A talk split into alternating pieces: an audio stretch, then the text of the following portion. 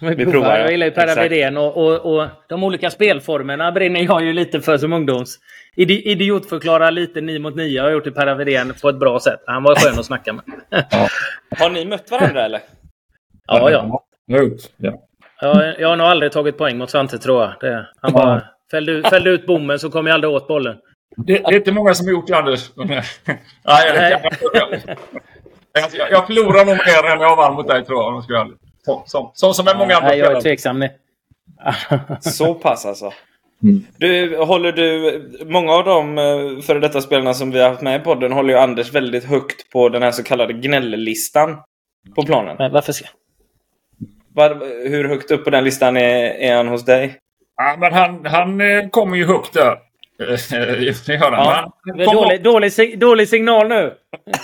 Han kommer också högt på många lite där. listor än det kan jag säga då. För att ska balansera upp det hela. Så, så. Ja, han kommer på den och han kommer högt på speluppfattnings och passningslistor och sådär. Så det, så det. Mm, mm. Ja. det känns bättre då Anders, eller? Ja, men nu ska vi inte prata om, om mig. Men eh, Nej, samt, man kan inte. säga vad Jag vet ju om att jag var gnällig och grinig, men det var ju också lite drivkraft hos mig och hos många. Eh, mm. Som också gjorde att man ville, ville vinna och ville, brann mycket för det. Det var ju energi för mig. Mm. Eh, det är som jag säger till några av våra unga killar här, att det är jättebra när ni blir griniga och förbannade och sådär. Bara ni kan omvandla det till energi så det inte går ut över er egna prestation eller lagets prestation. Liksom. Jag mm. lyckades väl någonstans där kunna omvandla den ilskan och gnälligheten, grinigheten till någon slags energi och då kan det ju vara en bra egenskap. Även mm, om det kan vara frustrerande för både motståndare och med, medspelare ibland. man, man, behöver ju Så någonting som driver den och, och det, många har ju den, den sidan. Liksom, som, det är det som skapar eh, kraften. Liksom. Så är det. Precis. Mm, mm, just det. Ja, men äh, gött äh, snack. Jag tänker att vi drar igång, eller? Vad känner ni? Yes. Jag kände bara en liten parentes. Min, son, min son är på väg bort. Om jag har studiedag idag så såg han gick förbi här nu. För han ska bort till vallen och köra lite extra träning, vilket man gillar, spontanspel. Men han har mm. ratat Liverpool-kläderna och på sig Southampton-kläder nu. Jag vet inte om jag ska vara glad eller om jag... Eller, eller kan jag gilla. det kan jag gilla. Absolut. Nej, jag tycker vi kör igång. Eh, ja. Och det ska vi göra. Eh, idag har vi ytterligare en gäst med oss, Anders. Eh, och det är ingen mindre än den före detta liraren. Och idag sportchefen för svensk elitfotboll, Svante Samuelsson. Varmt välkommen till Skillspodden.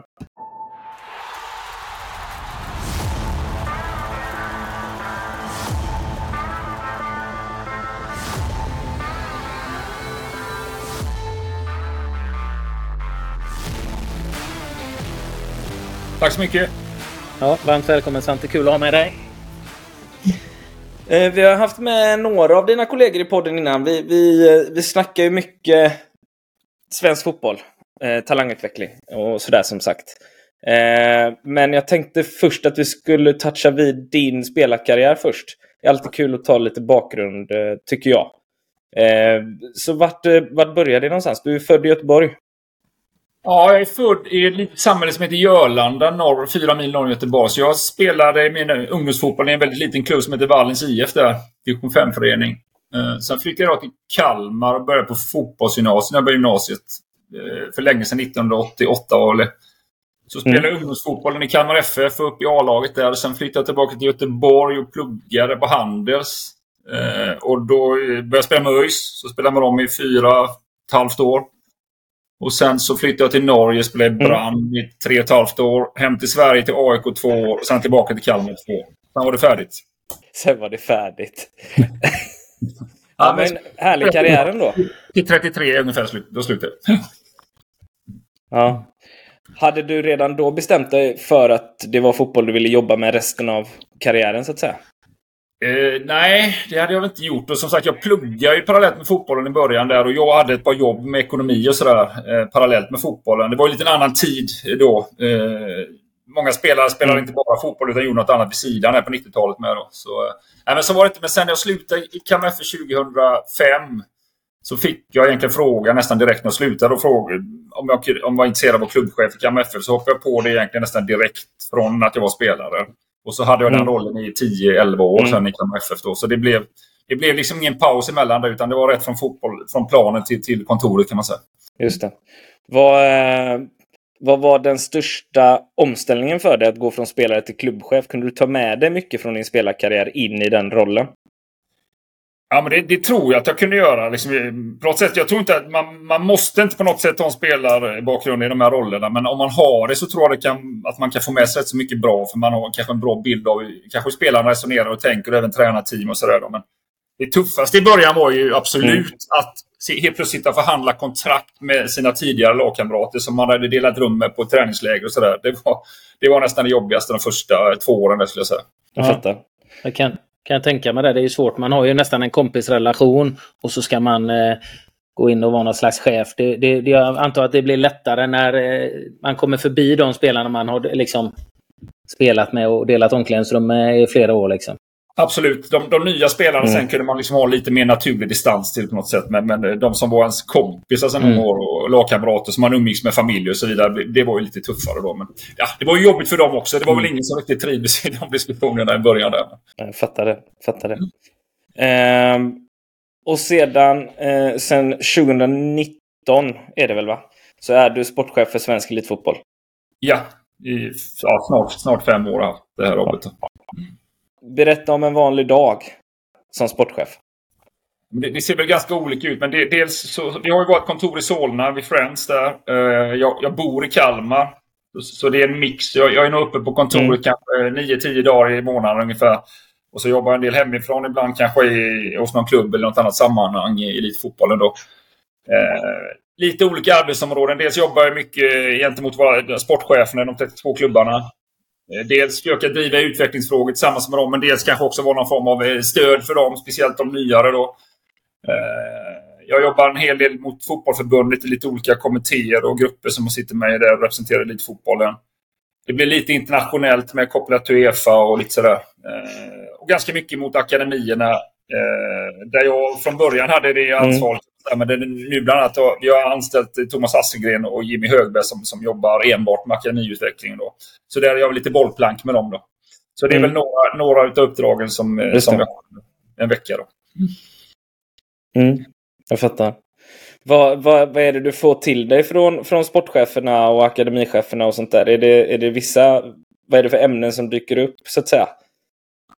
Alltså, dels är det väldigt olika. Vi, vi företräder de, de två högsta serierna, Allsvenskan och Superettan. Och där ser vardagen ganska olika ut för, för en, en allsvensk klubb och en superettan-klubb. Framförallt vad det kommer till, till ekonomiska resurser och personal, och organisation och sådär. Så, så, så, det är lite olika ambitionsnivå. Mm. Jämfört med de, de större allsvenska klubbarnas mm. ambitionsnivå var det jämfört med de kanske under halvan i superettan så, så, så skiljer det väldigt mycket.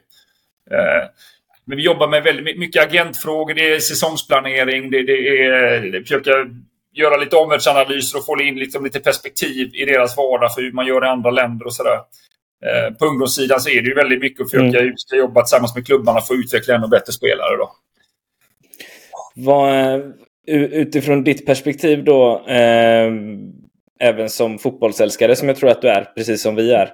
Eh, vad tror du svensk fotbolls största utmaning ligger i just nu? Eh, alltså, dels har vi, har vi en utmaning med att, att eh, konkurrera ekonomiskt eh, internationellt framförallt. allt. de stora klubbarna där som vi konkurrerar med har helt andra resurser eh, än våra klubbar beroende av olika skäl. Då. Eh, så det är väl en del av det. Men sen är det ju det handlar mycket om att bli ännu bättre på, på att utbilda och få fram ännu duktigare unga spelare. Så som dels blir duktiga spelare i, i våra egna ligor och där de andra bästa blir duktiga internationella spelare. Där, där, där känner jag att vi har mm. potential som är lite outnyttjad eh, på många sätt. Då. Hur, eh, är det någonting som det projekt 500? Är du, hur insatt är du i den? Ja, men jag är väldigt insatt i det. För det är jag som kan säga, jag, jag håller det tillsammans med de tre killarna som jobbar, eh, som vi samarbetar med där.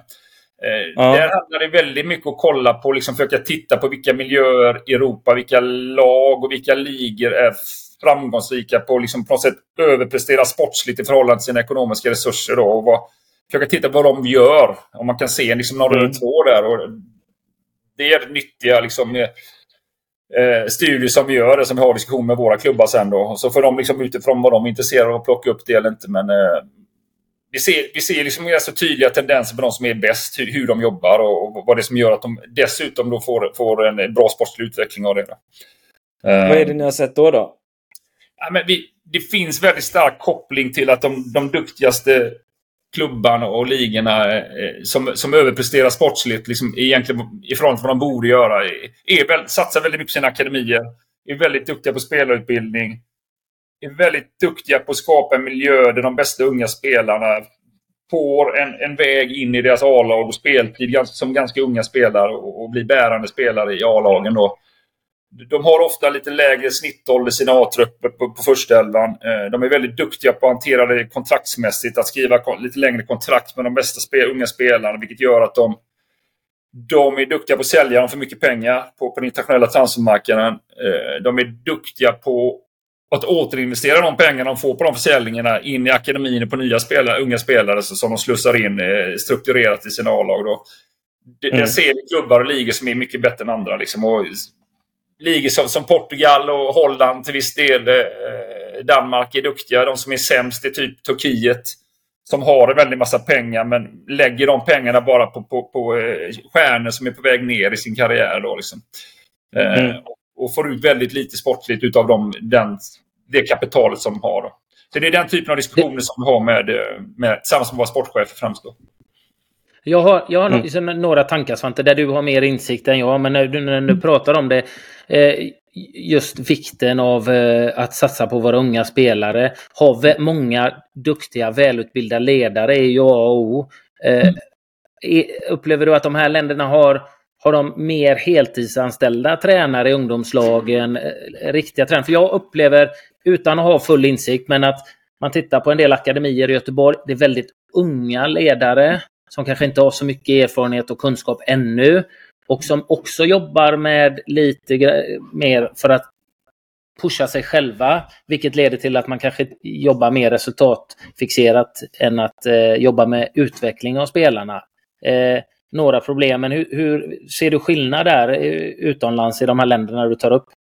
absolut, och de, de, har ju mycket fler heltidsanställda personer eh, i, i sina akademier för att utbilda sina spelare. Jag, jag upplever också kanske att jag tror att de, de ger dem lite bättre betalt. Statusen i de rollerna är lite högre i de här miljöerna. Där vi kanske är lite för vad ska jag säga, snåla på något sätt då, i förhållande till vilka, hur mycket vi betalar. Och då blir det som du säger ganska många unga ambitiösa killar som, är, som har en levnadssituation och en, accepterar den rollen för, för kanske inte jättehöga löner. Ja. Uh, och, och där, där, där, tror jag att vi uh, skulle kunna få ut en mycket mer effekt om vi liksom rikta lite mer pengar mot de rollerna och liksom höja statusen på det. Att, liksom att det, det, är en viktig roll i en klubb att vara P17-tränare eller vilken roll man har. Sådär, då. Uh, för, för jag tänker det, tänk att ha, tänk att ha den statusen och liksom veta att där mellan typ 14 och 16 år, där är jag ruskigt bra och där är jag, mm. trivs jag jättebra och verkligen uppmärksamma den. Han är helt... Vi kan inte ha en bättre ledare för 14 till 16-åringar i den viktiga fasen med det, och den tränaren. Men att som du nämner där, att dels kunna få ekonomi i det och att få dem att känna sig att det är status och att de är jävligt, ja de är ovärderliga liksom. Ja, och att det är en väldigt viktig del av hela klubbens strategi. Liksom. Att vara duktiga på att utbilda spelare i den åldern. Liksom. Att det inte bara är A-laget som gäller.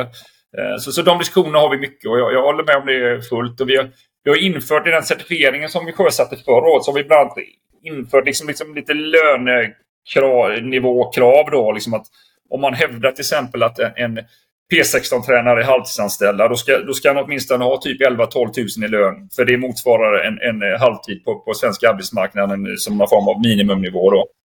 Då, då, då, kan man inte, man kan inte betala någon 2 000 i månaden och hävda att han jobbar halvtid. Liksom, för då, det blir liksom inte schysst för någon. Så, uh, så då, sådana delar har vi fört in i certifieringen. Och det, det har ju varit lite motstånd mot det till viss del. Liksom, så där, de kan tycka att ni ska inte lägga er i vad vi betalar våra ledare. Men jag tror ändå det är viktigt att sända de signalerna. Liksom, att, att eh, man måste också prioritera lite ekonomiskt. Om man ska säga att någonting är viktigt, då måste man sätta lite mer pengar på det också. Då.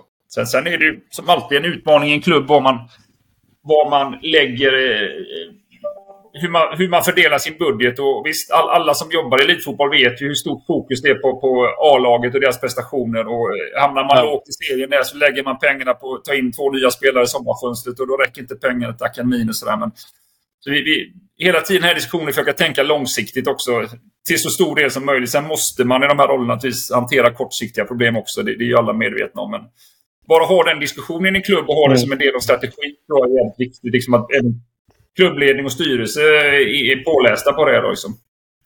Ehm. Mm.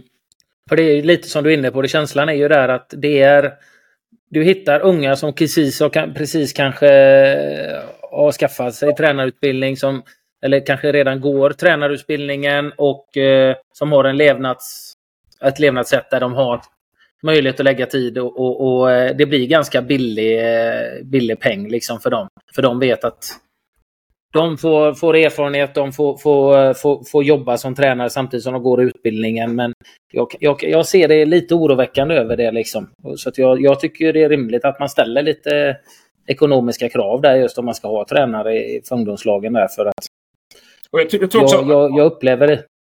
Mm. Jag tror det är viktigt också att man... Nej, kör, kör du. Att man har en känsla av att man har en viktig roll i klubben som P16-tränare till exempel. Liksom, att mm. det är viktigt för klubben. Mm. Och det, det, det tror jag akademichef, sportchef, klubbchef har en viktig roll i att liksom sända de signalerna när de pratar om sin klubb. Att, att akademin är, är, är där de kommande framtida spelarna ska, ska komma ifrån till vårt A-lag. Och, och därför prioriterar vi det. Men, eh, mm. Mm. Vad, vad, vad står 500 för i projekt 500 då? Till de som, för alla de som lyssnar på oss. Ja, det kan man säga. Nej, men det, vi, det utgick egentligen från att vi, vi ett antal år där sålde spelare från Allsvenskan för ungefär 300 miljoner. Eh, och när de killarna tittade på motsvarande liga så, och, och, hur mycket de fick ut av sina pengar på transfermarknaden så, så tyckte de att, att vi, vi, har en potential att sälja för 500 eh, miljoner mer än 300 miljoner, det vill säga 800 miljoner. Då. Eh, om vi är lika duktiga som danskarna och portugiserna till exempel i förhållande till våra förutsättningar. Så därför kallar vi för projekt mm. 500. Och förra året så, så, hade vi en kraftig ökning. Då sålde vi för 600 miljoner eh, från Allsvenskan. Och 2023 tror jag att vi kommer landa på, på motsvarande siffror. Så vi, vi har tagit rejäla kliv från de här 300. Men för, för att vi ska nå målet och, och eh, motsvara namnet på projektet så borde vi gå från 300 till 800. Då, då, då, då har vi nått målet på något sätt. Mm. Just det. Och då, då, då vill ni med med de pengarna att klubbarna egentligen nyttjar dem till akademierna, eller? Del två är liksom minst lika viktigt. Dels liksom skapa förutsättningar att ta fram spelare som är så duktiga som får speltid, som sitter på kontrakt, som gör att vi förhandlingsmässigt kan få ut de här pengarna. Men sen steg två där då, vad gör vi sen med de pengarna? Det är minst lika viktigt. Liksom. Och det, det, där, där propagerar vi för att det ska återinvesteras i ytterligare spelarutbildning då istället kanske för, för att lägga på, på eh, på kanske dyrare importer eller vad det kan vara. Då. Mm. Det, vi var ju inne lite på det med, med Thomas Hasselgren och, och, med risk för lite återupprepning här nu, men jag tycker att din roll är så jäkla bra så jag måste nästan ta upp det igen. Vi pratade om, om, eh, om norska ligans storlek på, på, på tv-rättigheterna kontra allsvenskan. Eh, mm. Och där ska de i storleksordningen vara ungefär detsamma. I, vad jag hörde i alla fall. Eh, men att Totalt sett ja. Men att större del av, av den norska rättigheterna går direkt till eh, akademierna. Tolkar jag det som. Ja. Ja, men det, det eller? De, de, har ju valt en lösning där de tar en, en, stor del av de totala pengarna och riktar det mot deras certifiering. Och delar ut mycket mm. av de pengarna baserat på hur många stjärnor de får i sin certifiering. Då. Eh, så de får ju mm. upp 90-100 miljoner i, riktas mot akademierna från ligans pengar istället för att dela ut dem till klubbarna så att de får göra själv, vad de själv vill med dem. Och motsvarande mm. siffra här i Sverige är väl ja, knappt 20 miljoner ska jag säga då, totalt sett. Och det skiljer ja, mycket. Exakt. Samt, samt ska jag lägga till att Å andra sidan så har vi några av våra klubbar som utav sina egna intäkter då lägger rätt så mycket in i sin akademi. Då. Eh, så, så skillnaden totalt sett mm. är inte lika stor som de siffrorna. Men, men, men de, de, har tagit ett mycket starkare grepp från ligan. När de lite grann tvingat sig själva att rikta pengarna mot eh, akademin. Mm. Och det, det greppet vill ni inte ta från, från svensk elitfotboll eller? Eh, jo, alltså vi, vi, har ökat pengarna mot akademin, men det, det, blir liksom ett politiskt beslut som våra klubbar måste vara, vara överens om att vi ska göra. Och, eh, Norrmännen gjorde det i samband med en ökning första gången de gjorde det. När tv-avtalet ökade rätt så mycket. Och då kanske det var lite enklare att politiskt få igenom det, att klubbarna accepterade det. Eh, men mm. vi för ju den här typen av diskussioner med våra klubbar. Men det, det är ju liksom en prioritering om, om hur mycket ligan ska styra över pengarna eller om vi mer ska satsa på att dela ut så mycket pengar som möjligt till klubbarna så avgör de själva utifrån sin verksamhet var de lägger pengarna. Det, det är, liksom, det är den typen av diskussioner mm. vi har. Eh, mm. Jag fattar. Mm. Eh, jag hade nästan, jag fattar ju varför såklart, men, men eh, om, jag, om jag får tänka högt så hade jag nog Fan, jag hade velat att det satsades ännu mer på akademierna. fler anställda och fler utbildade tränare längre ner i åldrarna. Hade jag velat se i alla fall. Jag upplever att fler och fler av våra klubbar är med på det tänket. Sen om vi ska ta det av de centrala pengarna eller om vi ska dela ut mer och de själva göra valet. Det, det, det är liksom lite två olika modeller. Men jag känner nog att de flesta klubbarna eh, är beredda att lägga mer av sina pengar på sin akademi. Och jag upplever bara att vi är inne på år två nu med den nya certifieringen. Och bara sen vi sjösatte den så tycker jag vi har sett att, fler, att det är fler heltidsanställda totalt sett i våra eh, klubbars akademier. Då. Vilket är en, en, en mm. utveckling som vi förespråkar. Mm. Just det. Tycker du att vi är bra på att matcha unga i, i svensk elitfotboll idag? Ja, unga vi, vi är lite för dåliga på det. Alltså när, vi, när vi kollar, eh, framförallt i projekt 500, när vi gör de här jämförelserna internationellt så, så, så, så, har vi lite högre snittålder i trupperna. Vi tror att det finns en stor potential i att liksom den är övergången från akademin till A tror att vi kan bli mycket, mycket bättre på varje enskild klubb. Liksom att de bästa, alltså det, det kommer upp unga spelare som, som, som har varit bäst i sitt lag, eller bland de bästa i alla år. Så de bara, alltså får mm. de ett A-kontrakt och är jättenöjda med det. Men fall det bara leder till att de sitter i hörnet i omklädningsrummet och så spelar du vänsterback i A mot B fast du är högmittfältare och lite sådär. Då är det inte så mycket värt. Liksom. Jag tror att det är väldigt viktigt att de känner att de, de är en del av en process där klubben vill spela in dig i din position i A-laget. Liksom. Att, att de verkligen känner det. Det, tror, det, det behövs för att ta det sista klivet. Liksom. Och det där är ett mm. samspel både mellan akademichef och huvudtränare och sportchef. Liksom, att alla är överens om det. Och där är klubbarna lite olika bra på det skulle jag säga. Då. Mm. Jag fattar. Jag tänk, tänker att det är också lite svårt om det är mycket tränarruljans och sådär också. Om man inte, för jag menar det, det är ju lite grann... Eh, tränarna vet ju att eh, om det inte går bra i vissa klubbar som, där det är extremt hårt tryck på dem. Går det inte bra i fem, sex, åtta matcher så, så ryker de ju. Då blir det att, då spelar man ju ofta på eh, lite säkrare kort istället. Så där måste klubben eh, tillsammans eh, med, med, hela, med ledarna och allt vara oerhört tydliga. Liksom, hur man jobbar. För, för annars...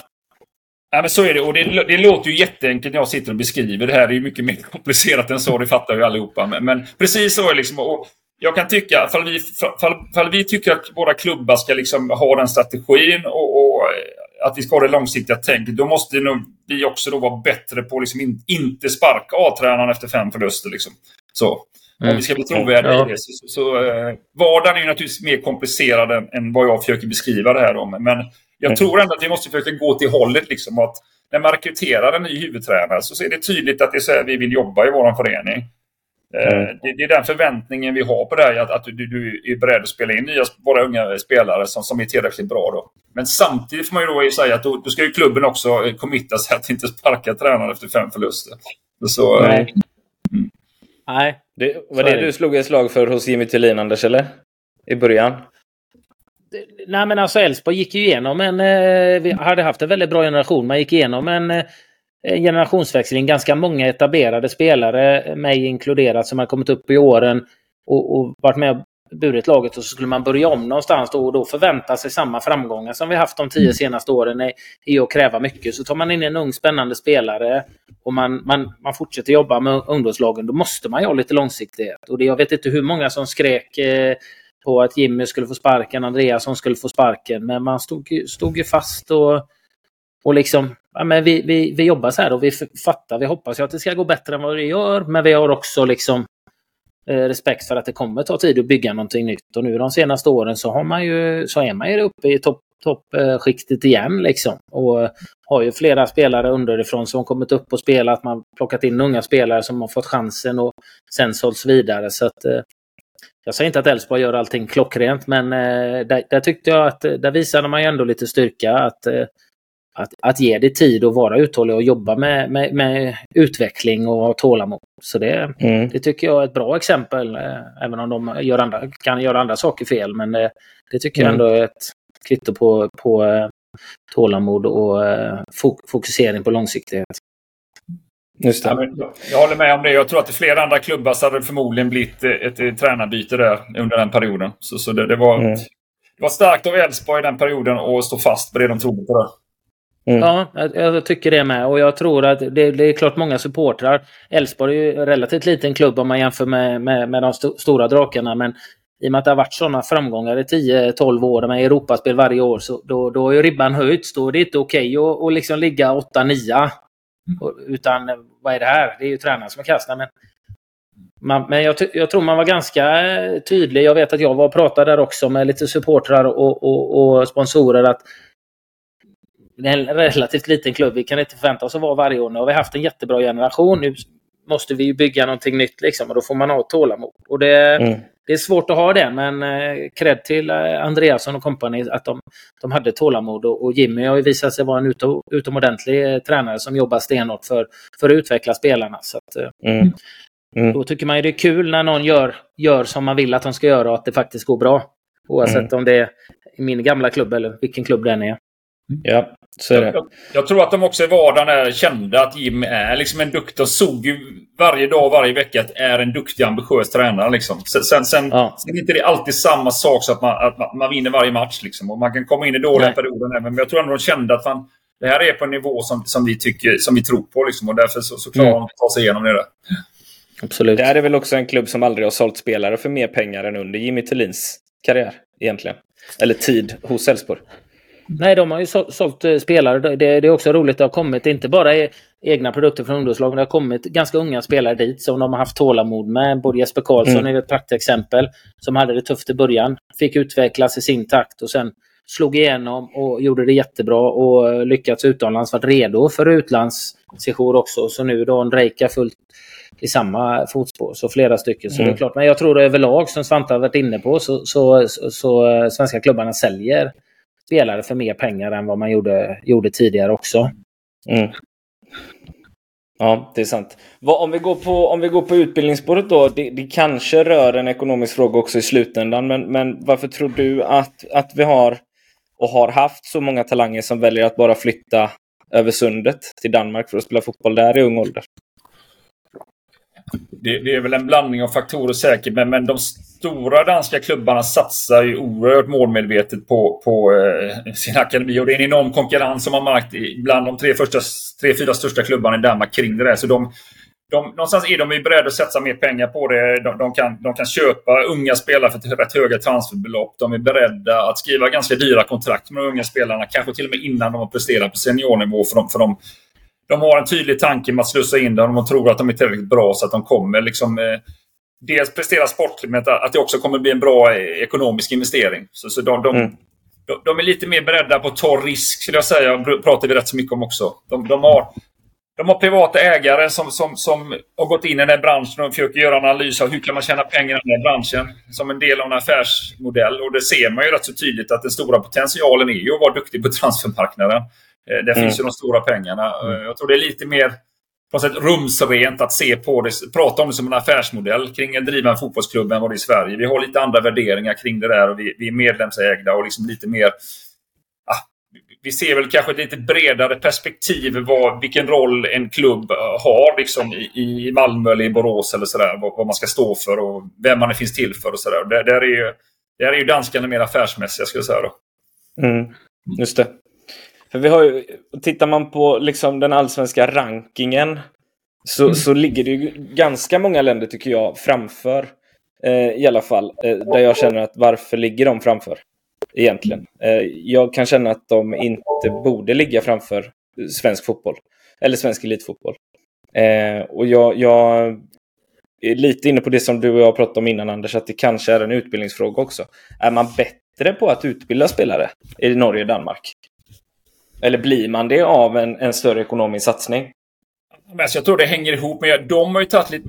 För några år sedan så tog de lite tydligare beslut än, än, än oss. De har sjösatt sin nya certifiering 4, 5, 6 år innan oss liksom, och ligger lite före i spåret skulle jag säga. Jag tycker att vi har fått fart på de sista åren och eh, vi har alla möjligheter att vara lika bra och om inte bättre skulle jag säga som, som fotbollsland. Både på storlek och att fotboll är en stor sport i Sverige och vår liksom, tradition och sådär. Men, men mm. det, det, krävs ju också att man är utvecklingsbenägen. Det, det, jag upplever att det är väldigt lätt att man hamnar i att så här har vi alltid gjort i vår klubb och vi har fått fram jättemånga spelare genom åren och sådär. Att det liksom är kvitto på att man ska fortsätta göra samma sak. Men mm. i de andra länderna står det inte still. Liksom. Det, det, är en utveckling som i alla branscher. Och om vi står mm. still så blir vi frånåkta. Även om vi är lika bra som vi var för fem år sedan så räcker inte det längre. Utan det har hänt Nej. saker på de andra ställena. Och det, det jag tror jag att det är viktigt att vi har den attityden att vi tittar på bra miljöer runt om vad de är duktiga på. Liksom försöker ta influenser och det. Sen ska vi inte hålla på och kopiera kanske sådär, men plocka upp det som man tror passar i, i våran klubb. Men det krävs mer idag än för fem år sedan liksom, för, för, för att bli elitspelare och utbilda, en, skapa en, en miljö som, som, som är tillräckligt bra för att den här spelaren ska kunna bli en, en toppspelare framåt. Då. Mm. där, där känner jag att det skiljer lite mellan klubbarna kanske hur uppe man är eh, för de influenserna. Då. Per Avedén var ju inne på det också. Det kommer att krävas pengar, så är det med allting. Man ska göra satsningar. Har, har man goda ja. ekonomiska resurser så har man större möjlighet att bli duktig. Eh, så är det. Mm. Mm. Eh, men du tror inte att det ligger i, i fatet att vi är medlemsägda i Sverige? Jag tycker inte att det behöver spela någon roll, men, men det ligger i fatet så tillvida att det, liksom, det kanske är svårare att satsa tillräckligt mycket pengar på akademin. För våra klubbar omsätter kanske mindre än de stora klubbarna mm. runt om oss. Då. Så I det perspektivet, men jag menar Sverige som land är ändå så ekonomiskt välmående, våra klubbar. Så, så det, det, är klart att vi ska kunna ha, ha tillräckligt med ekonomi för att kunna göra en riktigt bra satsning på våra akademier. Det, det mm. menar jag. Mm. Du var inne lite på det där. Per Avedén nämnde det också första gången han var med hos oss. Att, att när vi pratade om liksom de största utmaningarna hos förbundet då, där, där Perra sitter. Eh, var att det tar lite för lång tid att fatta beslut inom svensk fotboll överlag. Mm. Eh, och då känner du även att det, det faller neråt även på klubbarna också? Att man ligger kvar i samma hjulspår lite? Ja, men det, det, I klubbarna tycker jag mer kanske det är en vilken attityd man har till utveckling. Sådär, att man är öppen för det. Eh, kopplat till en andra fråga som du säger så, så är ju Fotbollförbundet och svensk fotboll är ju väldigt, väldigt, väldigt demokratiskt uppbyggd. Ju. Mm. Eh, där vi tar de här besluten på det som heter repskapsmötet i november och så för förbundet ett årsmöte i mars. Liksom, det är där de stora besluten tas. Och där, där har ju distrikten en majoritet. Liksom, och, och de, kanske, de har ju ett annat uppdrag inom svensk fotboll kanske på många sätt än vad vi som elitklubbar har. Liksom, och jag, tror att det, jag tror att det är viktigt att det finns en acceptans från vårat håll att distrikten har ett visst uppdrag. Men även åt andra hållet från distrikten att elitklubbarna har ett visst uppdrag. Och det, det, det tror vi kanske det krävs lite olika saker för att vi ska bli framgångsrika inom våra två områden. Där då. Uh, och där känner jag kanske lite grann från mitt perspektiv, nu, nu är jag förmodligen färgad liksom, utifrån min roll och bakgrund. Sådär, men jag, jag, jag, tycker att liksom, ibland skulle li, det är skillnad på, på de allra, allra flesta unga tjejer och killar som vill spela fotboll. De spelar fotboll för att de tycker det är kul och gemenskap och sådär. Men så är, så är det en liten gäng som, som har en ambition att bli elitspelare som, som vuxna. Liksom. Och de, de måste få, liksom, vi måste kunna erbjuda dem de miljöerna som krävs för att man ska bli så bra. Och då, då, då, då kan inte alla spela på samma sätt för länge. Liksom. Eh, Nej. Det är väl vår uppfattning då. Men, ja. Har vi, har vi blivit över tid eh, lite, lite... Det har varit ett väldigt fokus på att snacka om bredd och att få med mm. alla så länge som möjligt och alla de här sakerna, vilket ju är jättehärligt och jättefint på alla sätt och vis. Men har vi över tid blivit lite sämre på att ta hand om de som ligger långt fram också? Ja, men det är det jag menar. Alltså, det, det, breddfotboll har ju otroligt viktig roll i det svenska samhället kan jag säga, för våra ungdomar. För, för, för, att de aktiveras och, och kamratskap och allt vad det är. Liksom. Mm. Självkänsla och att man har ett sammanhang. Men, men det är också jätteviktigt för svensk fotboll att få fram elitspelare. Liksom. Och, och, där mm. tror jag liksom lite grann att vi, vi, vi, vi, vi, tänker väldigt mycket att alla ska göra precis likadant väldigt länge. Liksom. Och då tror jag tyvärr att våra bästa unga spelare kommer lite på efterkälken jämfört med, med unga spelare i våra grannländer och ute i Europa. Mm. Det tycker jag kanske att vi skulle kunna få, ha tillåtelse att få köra kanske lite mer ett, ett, ett elitspår då. Så, som förbereder mm. dem för att bli elitspelare som vuxna. Då. Men det här, det här förespråkar, nu är jag själv ungdomsledare och det här jag pratar om mycket. Och det, jag är allt för att alla ska få vara med, alla ska få spela fotboll som vill spela fotboll. Men det har ju blivit, eh, man pratar mycket om toppning och selektering, för tidig selektering och så vidare. Eh, men någonting som jag pratar väldigt mycket och gärna gott om är ju nivåanpassning. Mm. Och när man tar upp det så är det ju väldigt många, det har ju blivit nästan ett, ett, ett svärsord också. Att folk tar det som, har ni ska bara ta hand om de som ligger långt fram. Mm. Föräldrar och folk som inte förstår. Mm. Och det är så, nej, nivåanpassning handlar ju om att ta hand om alla. För, och mm. jag jämför, jag vet att vi hade någon insändare till våran podd där som eh, kritiserade där när jag sa att det är som i skolan. Ja, men det, det är det ju. Om, om du ligger jättelångt fram liksom i fotboll så, och, och en annan ligger jättelångt bak och mest kommer en gång i veckan för att tycker det är roligt. Det är inte så utmanande för den som ligger långt fram och, och köra samma övning. Eh, och det är lite samma som i skolan. Om vi säger att Marcus, nu låter det otroligt, men att han skulle ligga jättelångt fram i, i, i matte till exempel och, och du Svante, då får han extra uppgifter. Inte ringer, ringer dina eh, föräldrar Svante in till, till rektorn och säger men varför får inte Svante göra de extra uppgifterna som Marcus har fått? Ja, men Svante ju, har ju inte kommit halvvägs med de första uppgifterna. Och då sa han, det är ju inte det är individa, uh, individ, vad, vad, vad, skrev de Marcus till oss när vi pratade om det? Att det är inte alls uh, nivåanpassning, det är individ, individanpassning. Men det är ju exakt samma sak. Mm. Du anpassar efter nivån. Jag, jag själv jobbar stenhårt med det. Och dela in i nivåer och sen så har vi inte fasta grupper. För ut, de utvecklas ju så otroligt olika. Mm. Så det är inte cementerat ett helt år att nu är du i den nivån. Utan ibland går man upp en nivå, ibland går man ner, nivå, nere nivå. Jag jobbar ofta med mycket samma övningar. Men för de som har kommit längre kanske det är mindre touch. Det är någon extra passning, något extra moment. som man ser att vi gör inte helt annorlunda. Men det är för att om inte du stimulerar de som är längst fram, då kommer de ju tröttna och sluta också. Och inte utvecklas. Så att vi får sluta. Jag tycker det har blivit att eh, eh, lite som du är inne på det här att nivåanpassning, det, nej, men det, det, det är något fult. Liksom. Det är det ju inte. Det är bra för alla, för de som ligger långt bak, för de som ligger långt fram för att stimulera. Eh, men det är lite åt det hållet du är inne på. Ja, man gör man det på ett klokt sätt med att förklara för barnen varför man gör det så köper de det. Jag tror att det, det, är svårare för föräldrarna på något sätt eh, att, eh, Exakt. förstå det och vilja förstå det. Det är mm. nog min känsla också. Ba, ba, bra förklarat liksom, så, så, så, köper alla det. Jag tror att det blir roligare för alla att, att vara på nivå där man känner att man är jämbördig med och att man hänger med. Så, så, mm. ja. ja. men att du lyckas med åtta av tio mm. aktioner än att du lyckas med en av tio aktioner och känner att du känner dig värdelös. Eller att det inte ens är utmanande för en mot en och du möter en i två, tre nivåer under dig så kan, du behöver inte ens göra en fint, du bara gå förbi spelarna. Liksom. Det är inte heller utvecklande. Så det är ju egentligen för alla om det görs på ett sunt och vettigt sätt. Och som du säger, prata och förklara med barnen om de har tankar och funderingar. Så att, eh, det är väl, ofta är problemet eh, föräldrar och vuxna. Men det, jag tror också det är någonting som vi borde prata och vara tydligare om. Just nivåanpassning är inte fult. Och Göteborgs kommun till exempel i fotboll, där får du inte nivåanpassa lagen.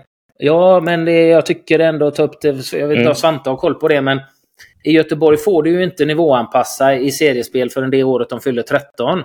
Vilket har för oss som är en breddförening, där jag är eh, engagerad i, det, vi, har ju, vi har ju tappat spelare i, i de som ligger långt fram, de som ligger långt bak. För att de som ligger långt bak vill inte spela med de som ligger långt fram och, och, och, och tvärtom.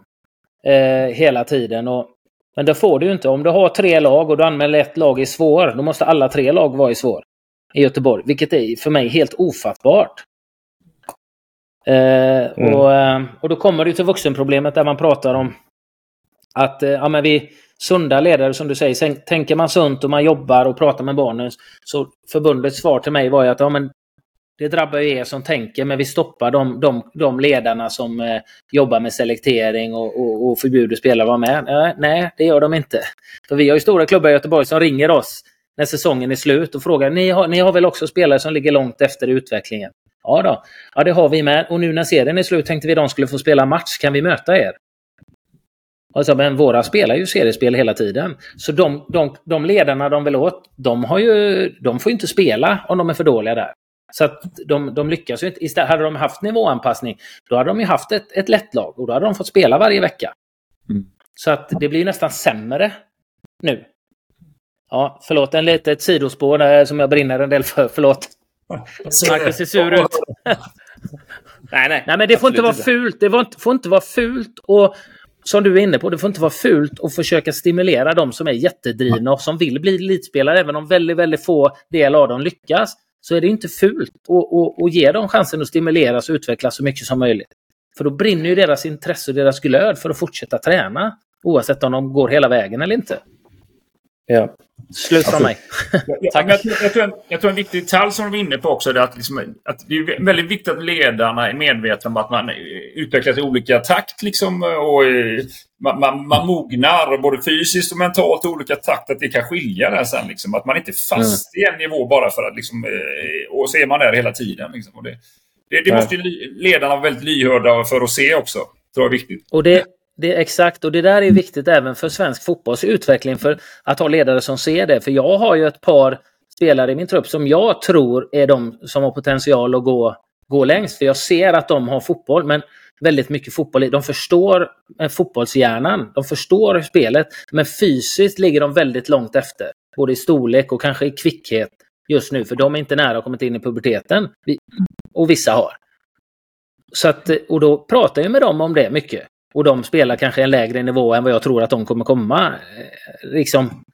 Så att, eh, och där är jag lite orolig för svensk fotboll också. Det vet jag var på min tid, men upplever jag när jag ser många klubbar nu att man jobbar väldigt mycket med de som är tidigt utvecklade fysiskt. Sen vet jag ju att eh, förbundet har ändrat det här med det här Future Team då, bland annat, som är jätte, jätte, jättespännande och det tror jag mycket på. Och det handlar ju också om kunskap eh, hos ledarna och att kunna kommunicera med dem som faktiskt, som jag själv, jag brinner för det för att jag själv var, jag låg ju efter, jag var ju väldigt liten. Och var ju inte med i några stadslag eller regionsuttagningar, ingenting liksom. Eh, men jag hade ju ledare som, som trodde på mig och fick mig utvecklas i min takt liksom. Och till slut så, så blir det bra. Och det tror jag är viktigt för du kan ha väldigt många som har väldigt mycket fotboll i sig, men får de inte rätt stöttning för att de fysiskt inte hänger med, för de andra kanske fysiskt är två, tre år äldre i sin fysiska utveckling. Så att ja det här är också en viktig bit. Ja, men jag håller med dig, men jag, jag är ändå lite, lite mer optimistisk där kanske än du. Då, för dels Future Team på förbundet är, jobbar de väldigt bra med tycker jag. Och jag upplever också i våra klubbar, vi har en del, haft en hel del föreläsningar kopplat den här med, med eh, kronologisk och biologisk mognad och så där, och försöka få klubbarna mm. att verkligen tänka på det i, i sina ungdoms... Eh, när de, när de pratar med sina ungdomsledare, att titta på vilka egenskaper det är som, som man tror man har som spelare för att bli elitspelare. Och liksom bort, försöka mm. bortse från, från den fysiska fördelen eh, som en del har och fysiska nackdelen. Då. Så jag tror ändå att vi, att vi blir bättre och bättre på att försöka fånga upp det. För Det är så jäkla lätt att bara ta de stora starka i några år här och ställa ut dem på plan.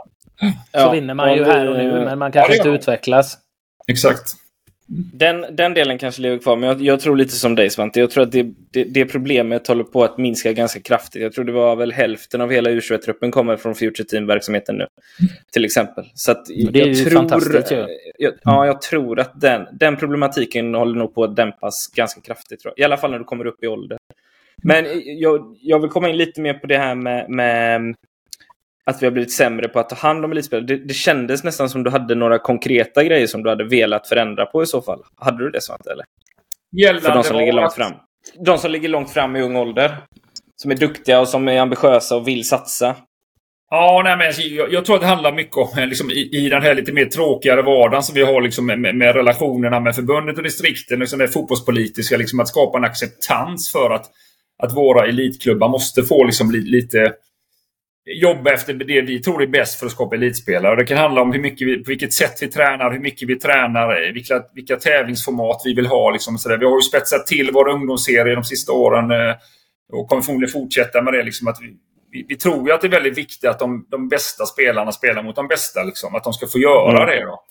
Eh, och i, i, rätt format kanske. Sådär. Eh, så, så jag, vi jobbar mycket för att få den acceptansen. Att, att, att att vi får ha lite spetsigare. Vi tycker mm. också att det är jätteviktigt att alla ska vara med och alla ska spela fotboll. Men alla måste inte göra precis likadant. Den, den, är det den två olika saker egentligen? Ja, lite grann. Så, mm. uh, och det tror jag liksom att, att jag känner ändå att utvecklingen går åt rätt håll och att det finns en större förståelse för det idag än för några år sedan. Liksom att, att alla måste inte göra precis likadant. Men, Nej. Nej. Nej det, det, är bra för det blev lite så där att när man började med det här så Eh, så blev det lite så att alla ska göra likadant och alla ska med. Då, då, då, får ingen sticka ut, ingen får göra någonting extra även om man är mer driven eller ligger längre fram. Och det har väl på att försvinna lite då som du är inne på, att man bör acceptera det mer att ja men det är okej om man är på olika nivåer, alla får göra men utefter sin, sin driv och sin nuvarande nivå. nivå. Mm. Ja, och vi, vi, vi, ser ju också i, i liksom statistiken att till allt större del, så de som blir elitspelare i, i, i Sverige idag som når allsvenskan, de, de, nästan alla numera kommer ju från elitakademierna liksom, och de har kommit dit i, i allt yngre ålder. Liksom, för det, det, det, krävs att du kommer till en så pass bra miljö ganska så tidigt nu för tiden om, för att du ska kunna bli elitspelare sen. Det finns fortfarande några exempel som går en, en mer en breddspår framåt, vilket är jättekul att det fortfarande är möjligt. Men det är färre och färre spelare som, lyckas med det. Liksom. För sätt kommer de lite för mycket efter i de viktiga åren där och, det, sen är det svårt att komma ikapp. Mm. Jag undrar om det är möjligt längre fram. Det är fortfarande yes. möjligt, men, men, det är färre och färre som lyckas med det. Men, men, men ja. Äh, ja. Ja. ja. Jag vill bara binda tillbaka lite snabbt till Projekt 500 som jag tycker är jävligt intressant. Men mm. skulle du säga att Projekt 500 ligger det mestadels på klubbarnas ansvar eller? Att driva det? Ja, alltså, att driva det ligger, på, på, på ligger väl på vårt eh, ansvar från SEF centralt. Eh, framförallt kanske i min roll då. Och det handlar ju mycket om att försöka tillsammans med, med, med Lukas och Cesar och Kristoff som är de som jobbar med att ta in den här datan och göra analyserna. Liksom, och så tillsammans och presentera det för klubbarna. Att, att försöka, försöka på ett pedagogiskt sätt visa bra exempel liksom, på de som är duktiga på det. Så sen, mm. sen, sen får varje sportchef, akademichef försöka plocka hem lite sin klubb utifrån sina förutsättningar och sin miljö, vad de tror på. Liksom. Men att, att det är fullt möjligt att lyckas, eh, även att vi inte har de största finansiella resurserna. Bara vi bestämmer oss och har en strategi och håller fast vid den och, och tror mm. på den. Då, liksom. mm. så, så vi, nej, men vi kommer fortsätta jobba med det och, och också liksom när man jobbar i en elitklubb, man, man, man har väldigt mycket att göra och man har full fokus på sin egen klubb. Så det är väldigt svårt kanske själv att lyfta blicken ibland. Så, där. så jag tror det är jätteviktigt att vi anordnar eh, fortbildningar och studieresor till andra, andra miljöer liksom, för att få nya influenser och nya kunskaper. Och bygga nya nätverk för våra ledare i akademierna. Så, där. så vi, Thomas och Jimmy har ju varit var iväg nu i, i Holland förra veckan. De ska till Blackburn om några veckor med, med olika ungdomsledare från våra klubbar. Mm. det är givande att få in de perspektiven och influenserna. Då. Mm. Jag såg det. Jag såg det. Mm. Jätteintressant ju. Sånt där måste ju ge jättemycket. Att se vad andra gör. Vi, vi tror på det väldigt mycket i alla fall. Absolut. Ja. ja. Eh, bra. Slutligen då. Vad, vad, vad tror vi? Går vi framåt? Har vi gått framåt kraftigt och har vi gått om Norge och Danmark inom eh, 15 år? Inom 15 år ska vi absolut ha gjort det. Inom, inom fem får vi i alla fall satsa på. Men, är det men, så? Nej men, nej, men jag tycker att det, det, finns inget som talar för att vi inte skulle kunna göra det. Men, men för att lyckas så måste vi vara målmedvetna liksom, och våga vara långsiktiga och strategiska. Och, också satsa mer resurser på det. Eh, men möjligheten mm. finns ju absolut i ett fotbollsland som Sverige. Det, det, det vore helt fel att säga något annat. Men vi, om vi tror att vi ska fortsätta göra så som vi alltid gjort, då kommer vi inte lyckas med det. Det är en sak som är säker. Politikerna kanske får bygga det. lite fler eh, fotbollsplaner också. Där har du en grej som är superviktig. Och, eh, du ser även i, i, i statsbudgeten hur mycket pengar som lades till, till idrotten. Inte speciellt mycket. Liksom, man man, man suckar ju bara när man ser det. Liksom. Och speciellt i de problemen som vi har. Vi har ett samhälle idag med, med, med, med våra ungdomars, liksom, vad, vad, som sker. Alltså den tuffa miljön som har blivit. Liksom, och, där mm. alla liksom på något sätt är överens om att det största problemet är ju ungdomar som inte har något sammanhang, ingen gemenskap, ingen självkänsla. Sådär, liksom. Och det där är ju idrotten magisk på att skapa det. Och speciellt mm. lagidrott som, som, som, vi kanske brinner för. Då. Mm. Så, så, så, egentligen är det sanslöst dåligt att det inte riktas mer pengar mot, mot eh, idrotten. Alltså. Mm. Jag håller med helt. Det, mm, det, är, ja, men alltså mer planer. Och det, det tycker vi har dåligt här i Göteborg. Liksom nu vi lilla, våran lilla förening som har vuxit så mycket som har en plan och så ser man ju problemen i Stockholm där de får vara glada om de har en fjärdedels plan liksom på mm. 30-40 unga. Liksom. Det är ju helt omöjligt att bedriva en vettig fotbollsträning och det gäller väl, gäller väl andra idrotter också såklart. Eh, Absolut. Mer pengar och mer, mer möjligheter. För det, det, det finns ju en anledning till att vi har mer, eh, ja vad säger man, att det ökar i, i kriminalitet och brott och, och sådär. Ungdomarna det är en fantastisk eh, verksamhet och aktivitet för barnen och liksom hålla på med idrott och röra sig och hålla sig borta från andra dumma grejer istället. Vi får bygga fler center, Anders. Istället. Ja, det ska vi göra absolut. Men vi behöver ju mer aktivitetsytor överlag i Sverige, mm. idrottsplatser. Mm. Absolut. Du, eh, Svante. Eh, jag tar rygg på dig. Jag hoppas att vi har gått om Norge och Danmark om, om inom fem år. Det hade varit fantastiskt. Eh, det... Fortsätt kriga för det.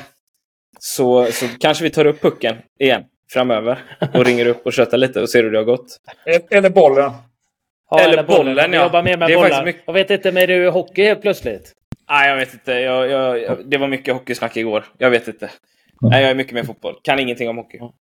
Nej, men så Nej. tänker jag att vi gör. Stort tack för att du var med och köttade lite med oss, Svante.